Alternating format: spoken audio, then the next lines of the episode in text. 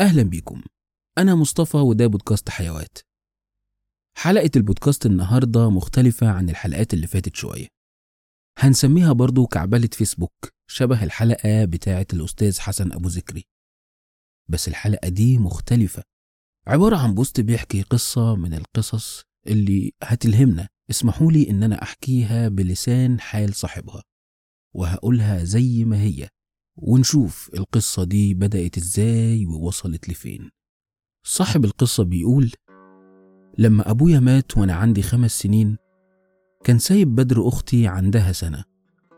كل اللي جاي يعزي أمي من الستات كانوا بيقولوا لبعض هم هياكلوا منين دول لا حيلتهم أرض ولا بهيمة. ما كنتش عارف دول جايين يعزوا ولا جايين يشمتوا. يومها أنا كنت صغير بس فاكر أمي وهي بتعيط وبتقول يا رب هياكلوا منين يا رب؟ وبدر كانت في حجرها عمالة تصرخ. يومها أنا خدت بدر من حجرها غصب عنها ودخلت أوضة أبويا وفضلت أطبطب عليها لحد ما سكتها وأنا بقول لها ما تخافيش ربنا مش هيضيعنا يا بدر. اتفضل العزا والستات رجعوا بيوتهم وقعدت أنا وأمي لوحدنا في الليل الطويل اللي من غير لا أمل ولا ونيس. أنا فاكر وقتها إننا فعلا كنا أفقر ناس في البلد. وأمي قالت إن اللي زود الطين إن أبوك مات. و و و و و. فضلت أمي تعد وتقول وأنا ساكت. كل اللي كنت بقوله ربنا مش هيضيعنا. فات شهر على موت أبويا لا في حد دخل سألنا عن حالنا ولا حد ساعدنا بلقمة. وصلت بينا الأيام لأكل العيش حاف. كنت عيل صغير. بدل ما يلعب مع العيال في الشارع كنت قاعد في البيت كتفي لكتف أمي. بنحسب في الأيام وبنعد في الفلوس وهتكفينا نجيب كام طاقة. طفل صغير قاعد يفكر إيه الفرق بين الوحدة والفقر والعجز. وقتها ما كنتش عارف اسم المصطلحات دي بس عارف فعلها على النفس كويس. عارف يعني إيه البيت يفضل مقفول عليا وعلى أمي لشهور من غير ما حد يخبط علينا؟ عارف يعني إيه بدر تتلوى من الوجع في نص الليل؟ وناخدها أنا وأمي ونمشي على الطريق الزراعي في نصاص الليالي لحد ما نوصل للمستوصف. عرفت يعني إيه أمي تشيلني بدر وتروح لواحدة جارتنا تستلف منها طبخة رز ولا معلقة شاي؟ وبرغم كل اللي حصل وبيحصل كنت واثق إن ربنا لا يمكن يسيبنا. قلت لأمي مش هدخل المدرسة وهشتغل عشانك وعشان بدر. فأمي قالت إن شغل عيل صغير لا هياكل ولا هيشبع. هيعدموك العافية وفي الآخر مش هيدولك فلوس وهيقولوا عيل صغير لا اشتغل ولا حاجة. وقالت لي روح المدرسة وخلاص بس من غير هدوم جديدة ومن غير شنطة. ولو على قد تمن مصاريف الكتب هتتدبر. مش عايز أقول لكم قد إيه كل الفصل كان بيتريق على لبسي وعلى إني شايل الكتب على إيدي. بس الحمد لله كلامهم ما أثرش فيا لأني جمدت من يوم ما أبويا مات. وشفت الدنيا على حقيقتها ولما وصلت تالتة ابتدائي اقترحت على أمي تعمل عيش في الفرن الطين وأنا هشيله على راسي وأروح بيه للبندر ابيعه في الأول ما كانتش موافقة بس الحوجة كانت كبيرة. كنت أنا بفرش على العيش وهي تعمله وتاخد بالها من بدر. ومفيش يوم رحت أبيع فيه ورجعت برغيف واحد. ويوم ورا يوم بقى ليا زباين والعيش اللي أمي بتعمله ما بيكفيش.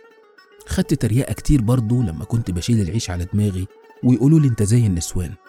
بس برضه الحوجة كانت أكبر من إني طفل صغير ممكن يعيط من تريقة. كله كان عشان أمي وعشان بدر. وبفضل الله كنا بنكسب كويس من شغل العيش لأن البندر بيحبوا العيش الفلاحي.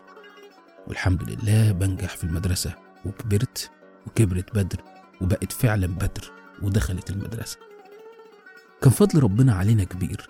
كنا مستورين وشاطرين في المدرسة. ربنا عمره ما جاب لنا حاجة وحشة بس قلة الإيمان وقلة الثقة في الله هي اللي بتخلينا نضعف ونحس بالضياع مع أول اختبار يجي من ربنا. عشت أنا وأمي وأختي مستورين وفضل العيش هو شغلي لحد ما خلصت كلية وسافرت اشتغلت في القاهرة. وربنا فتح عليا بمشروع صغير كده كنت ببيع فيه العيش الفلاحي. وسنة ورا سنة المشروع بقى أربعة وبدل الألف بقيت بكسب أربعة وخمسة.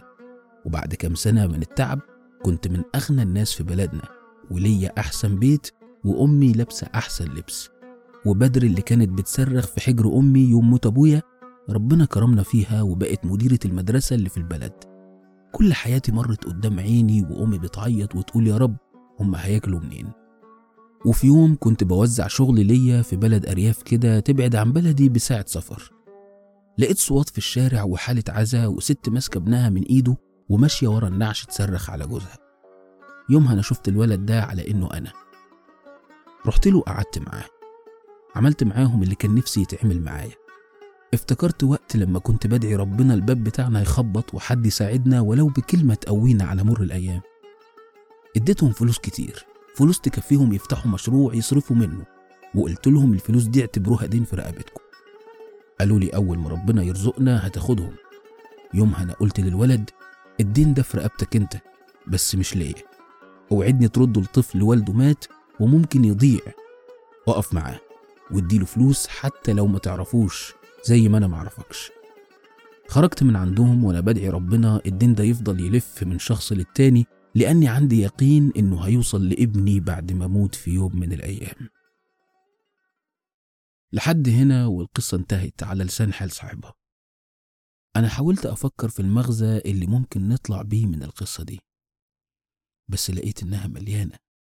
من أول إيمانه بالله وثقته إنه مش هيضيعه ولا هيضيع أمه وأخته وسعيه في إنه هو يكسب ويصرف على البيت وتحمله للمسؤولية وعدم سماعه للتريقة والكلام اللي كان بيتقاله وصولا لرد الدين وعمل الخير اللي عمله لما شاف الجنازة بتاعة الراجل اللي توفى وساعد الأسرة.